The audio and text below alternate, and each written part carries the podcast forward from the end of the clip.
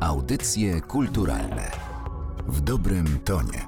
Słuchają Państwo podcastu Narodowego Centrum Kultury. Ja nazywam się Martyna Matwiejuk. Dziś moim gościem jest pani Hanna Wrublewska, zastępca dyrektora Muzeum Getta Warszawskiego do Spraw Naukowych i Wystawienniczych, a także współkuratorka wystawy Pamięć 1943. Dzień dobry. Dzień dobry. Wystawę stworzoną przez Muzeum Getta Warszawskiego oraz Narodowe Centrum Kultury możemy oglądać od 30 marca w Kordegardzie. Ekspozycja towarzyszy obchodom 80. rocznicy powstania w getcie warszawskim.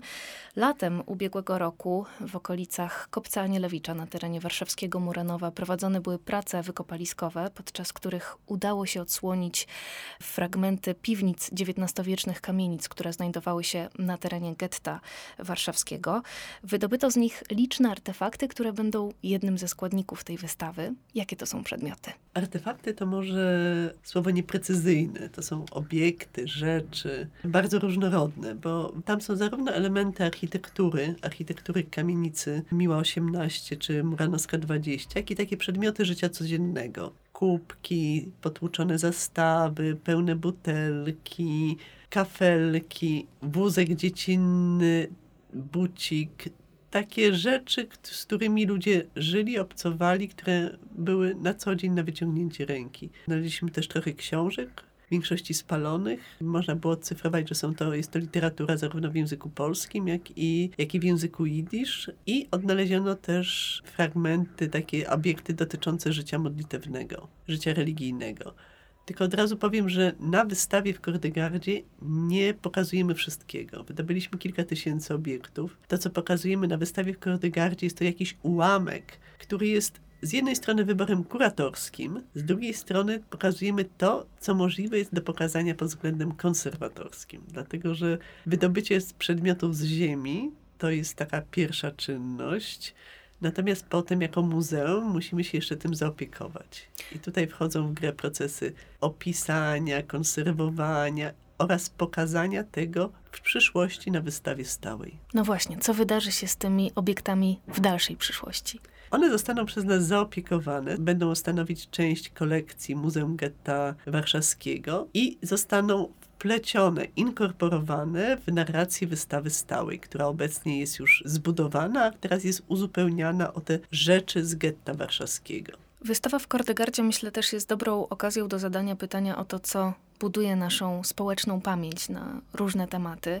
Bardzo często, kiedy poruszano wątek powstania w getcie, odwoływano się do raportu Sztropa, który także będzie przytoczony na wystawie w Kordegardzie, a zatem do dokumentu, do zapisu wydarzeń spisanego, stworzonego z perspektywy oprawcy. Tutaj dzięki obiektom, które zostały odkryte podczas tych wykopalisk, w taki symboliczny sposób oddajemy głos ofiarom, a także tym, którym udało się ocaleć. To jest wystawa konfrontująca zatem różne perspektywy.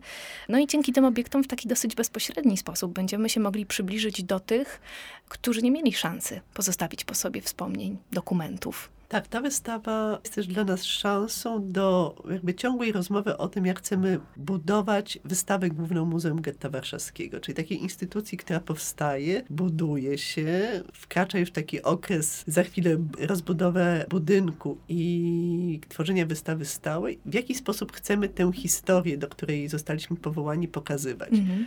I to, co jest ciekawe i co prezentujemy na tej bardzo niewielkiej wystawie w Kordegardzie, to jest, wskazujemy, że chcemy bazować na dziełach. Chcemy bazować na dziełach, chcemy bazować na obiektach z kolekcji. Bo raport Sztropa, o którym pani opowiadała, który też jest pokazywany na wystawie w Kordegardzie, dzięki decyzji Archiwum Instytutu Pamięci Narodowej również wejdzie w skład wystawy głównej. Więc to jest dla nas bardzo ważne, że będziemy prezentować zdjęcia, będziemy prezentować dokumenty, będziemy prezentować zdjęcia oprawców, które jakby kształtowały wizualnie naszą pamięć, ale chcemy je konfrontować. Chcemy je konfrontować z przedmiotami z rzeczami, z obiektami wydobytymi przez archeologów z Miłej 18, czyli z tego miejsca, które było miejscem także bunkra, tego ostatniego bunkra powstańczego, gdzie wiemy, że zaraz obok pod kopcem Anielewicza prawdopodobnie spoczywają bohaterowie powstania w getcie, ostatnie dowództwo, które popełniło samobójstwo. Pokazujemy przedmioty, ale też pokazujemy głosy, pokazujemy też sam budynek. Na wystawie w Kordegardzie znajdą Państwo nieduże, ale jednak zdjęcia Marcina Czechowicza, zdjęcia pokazujące budynek szpitala Bersonów i Baumanów, czyli ten budynek, w którym muzeum będzie się mieścić. On sam w sobie jest zabytkiem. On sam w sobie jest zabytkiem XIX-wiecznej Warszawy, on sam w sobie jest taką skarbnicą pamięci, która transferuje nas w historię żydowskich rodzin, które w końcu XIX wieku powołały ten budynek, ale też historię getta, ponieważ ten budynek w trakcie powstania getta pełnił rolę jednego ze szpitali w getcie. Fotografii tego budynku, co jest dla nas bardzo ważne, towarzyszy bardzo współczesny wywiad, nagranie głosu Zofii Majewskiej, która była córką Henryka Kroszczora, byłego dyrektora administracyjnego przedwojennego tego szpitala oraz Racheli Kroszczor, lekarki, która urodziła się przed wojną na terenie szpitala Bersonów i Baumanów i mieszkała tam w czasie wojny. Więc ta wystawa odwołuje się do historii getta, odwołuje się do, również do powstania w getcie, ale też mówi o tym, że powstaje nowa instytucja. Powstaje nowa instytucja, która pamięć i teraźniejszość będzie transferować w przyszłość. I na tej niewielkiej wystawie mamy wszystkie te trzy elementy. Elementy z przeszłości, teraźniejszości i przyszłości. Myślę cały czas o tych przedmiotach i o pewnej takiej warstwie emocjonalnej, którą one wnoszą, bo w filmie podsumowującym prace wykopaliskowe wypowiadają się różne osoby zaangażowane w te wykopaliska, między innymi jedna z wolontariuszek, która jest potomkinią Żydów zamkniętych w getcie. I bardzo mi zapadło w pamięci to, co mówiła, że wydobywając liczne przedmioty, oczywiście nie wie do kogo należały, ale za każdym razem myśli sobie, że może to właśnie było coś, co w dłoniach trzymali moi bliscy. Chyba przedmioty wzbudzają w nas większe emocje niż źródła pisane. Tak, przedmioty są, może dlatego, że są bardziej namacalne, prawda? Mm -hmm. I dlatego, że to są takie znane przedmioty, które znamy z własnego życia, a tutaj patrzymy na te przedmioty w takim stanie zawieszenia. To są przedmioty poniszczone, czasem popalone, ubogie, biedne, wyjęte z ziemi, jakby z taką całą wpisaną świadomością i naszą pamięcią tego, co się stało. To nam też uzmysławia, że Warszawa Muranów cały jest takim y, trochę grobowcem, prawda? Że my jakby żyjemy, że wystarczy to, to miejsce rozkroić i pod spodem, pod ziemią muranowską znajduje się jakby inne zupełnie życie, zapis innego życia. Ciągle znajdują się jeszcze fragmenty kamienic, piwnic i przedmioty. Kiedyś twórca Muranowa, architekt Lacher, który zdecydował się zbudować całe nowe osiedle na gruzach, powiedział, że to jest taka szkatuła, którą on chciałby już zamknąć. Postawić na tym nowe osiedle, żeby wkroczyć w przyszłość. Ja myślę sobie, że teraz po kilkudziesięciu latach jest ten moment, kiedy odchodzą od nas świadkowie. Odchodzą od nas ci, którzy ocalali i którzy pamiętają wydarzenia z własnej perspektywy.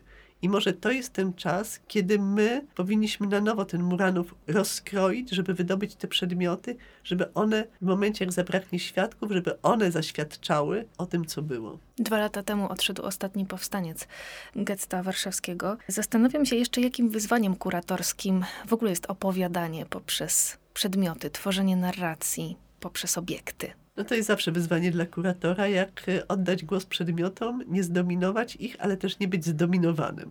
Mhm. Prawda, że rzeczy, ja wierzę w to, że rzeczy mówią, ale trzeba im dać głos. Czy tam się to udało w e, Kordegarcie, to proszę przyjść i ocenić.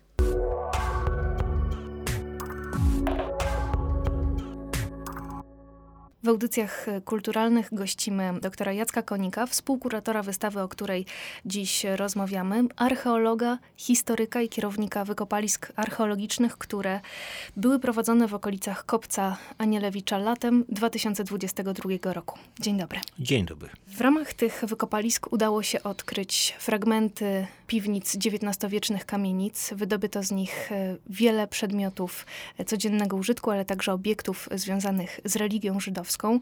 I chciałabym najpierw zapytać, czy one w jakiś sposób przybliżają nas do zrozumienia historii getta warszawskiego, czy w ramach tych odkryć udało się ustalić jakieś nowe fakty? Odpowiem w ten sposób.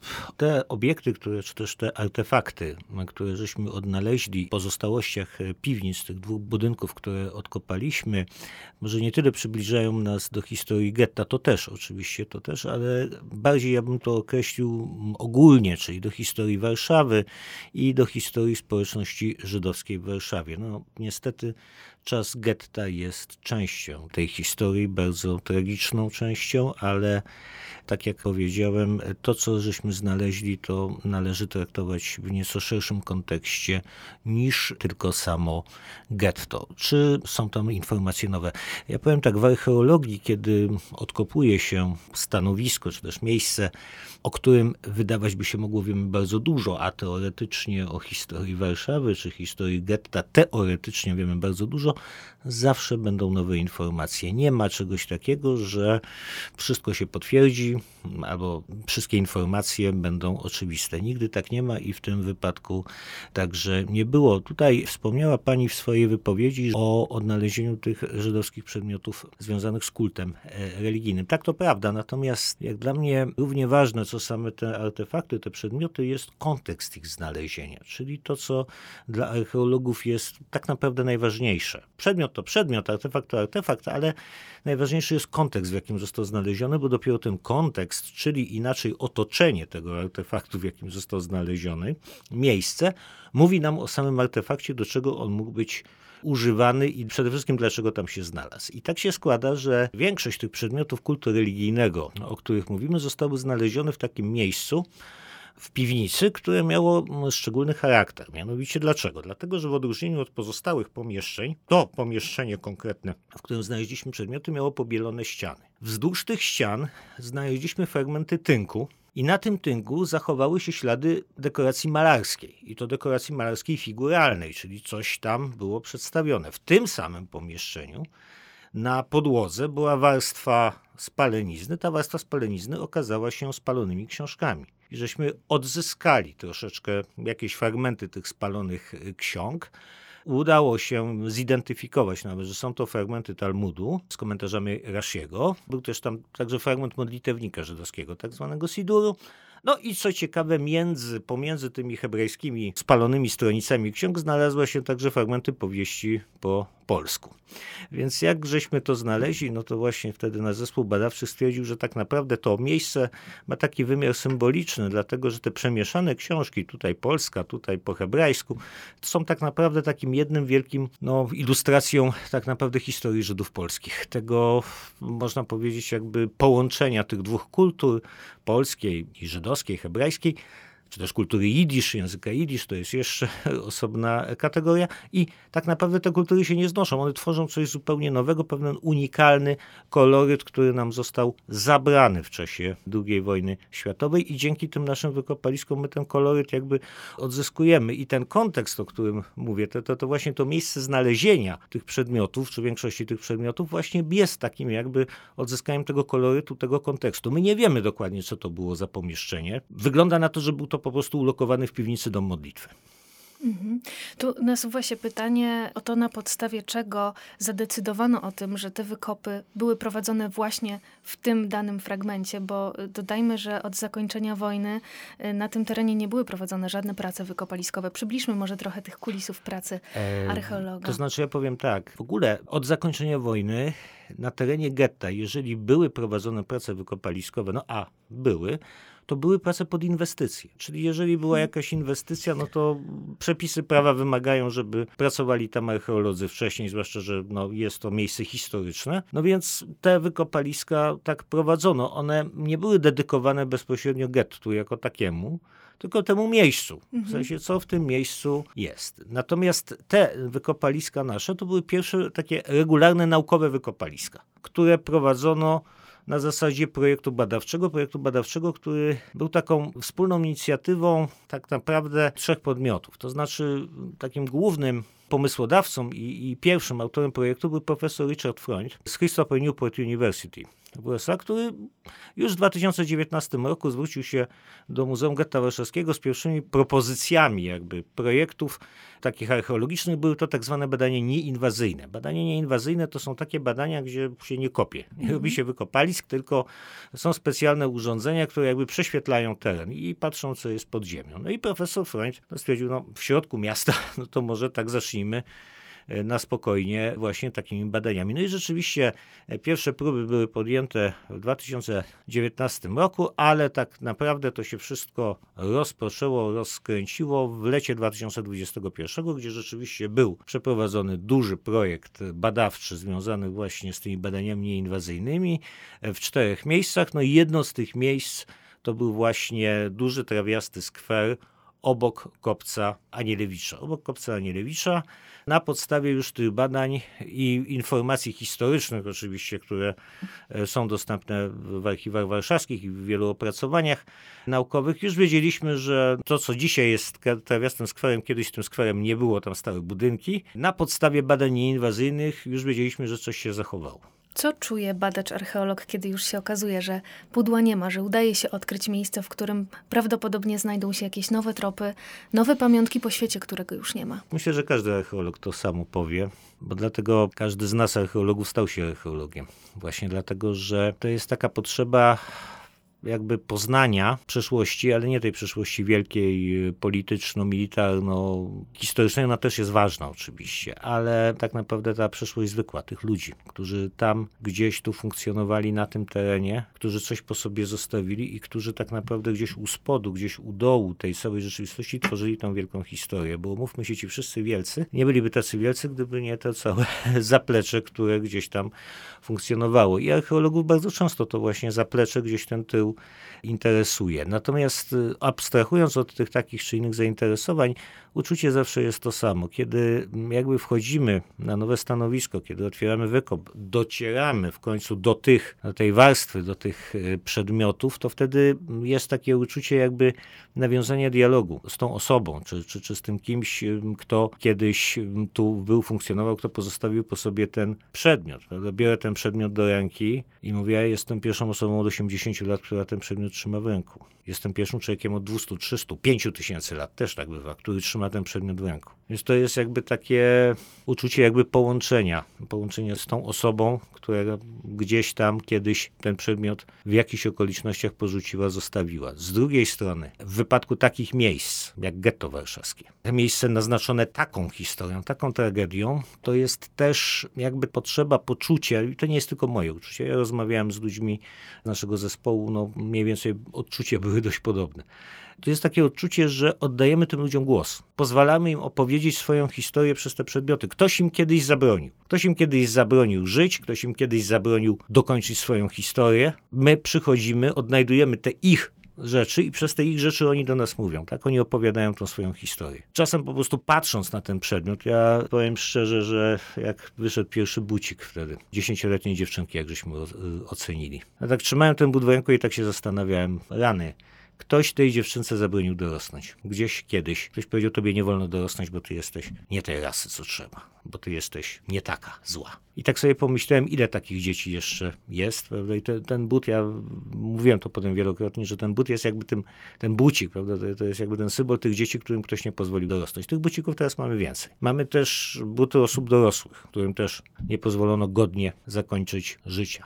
Tu na ziemi w każdym razie. I dlatego no, dla nas to było właśnie przywrócenie tym ludziom historii, ich historii, pozwolenie jakby, żeby ta ich opowieść się jakoś dokończyła w sposób godny. Godny w tym sensie, że opowiemy ich historię, wyciągniemy ich z tego zapomnienia. Część z tych wydobytych obiektów będą Państwo mogli zobaczyć na wystawie w Kordegardzie. Co między innymi znajdzie się w galerii? Takie rzeczy zwykłe. Naczynia, przedmioty codziennego użytku, narzędzia, takie przedmioty techniczne, ale oczywiście będą też rzeczy związane właśnie z rytuałem religijnym, z religijnością. Tam nie będzie jakiegoś wielkiego komentarza na tej wystawie to niech one same opowiadają. To jakby można powiedzieć, opowieść przedmiotów jest o wiele ważniejsza i bardziej wymowna niż największe nawet słowa e, w tym momencie. Także one tam będą, będą czekać ze swoją historią. Zapraszamy Państwa do Kordegardy. Ja jeszcze tylko zapytam, ponieważ wykopaliska to jest dopiero początek. Dalej trzeba ten teren zabezpieczyć, trzeba zabezpieczyć te przedmioty. Co dzieje się w tym miejscu aktualnie i czy są plany na to, by prowadzić też dalsze wykopaliska? To znaczy tak, ten teren jest w tej chwili jakby ogrodzony, zabezpieczony. Plany są takie, żeby tam powstał pawilon, rodzaj takiego miejsca edukacji, pamięci, refleksji, żeby te ruiny, to co tam zostało znalezione, żeby dalej mogło mówić. Jak już ta historia w to miejsce powróciła, jak to miejsce zaczęło opowiadać, żeby ta opowieść nie została znowu przerwana, żeby to trwało dalej. Jest taka nadzieja, że decyzja będzie i ten pawilon jakby tam powstanie, że będzie tam miejsce edukacji, spotkań, będzie tam też jakaś też wystawa także tych artefaktów, które zostały w tamtym miejscu znalezione. Wstępem i zaproszeniem do poznawania tej historii niech będzie wystawa, którą do 7 maja mogą Państwo oglądać w Kordegardzie, Galerii Narodowego Centrum Kultury. Pamięć 1943. Serdecznie Państwa zapraszamy. Dziś opowiadał o niej w audycjach kulturalnych dr Jacek Konik. Bardzo dziękuję. Dziękuję bardzo. Audycje kulturalne w dobrym tonie.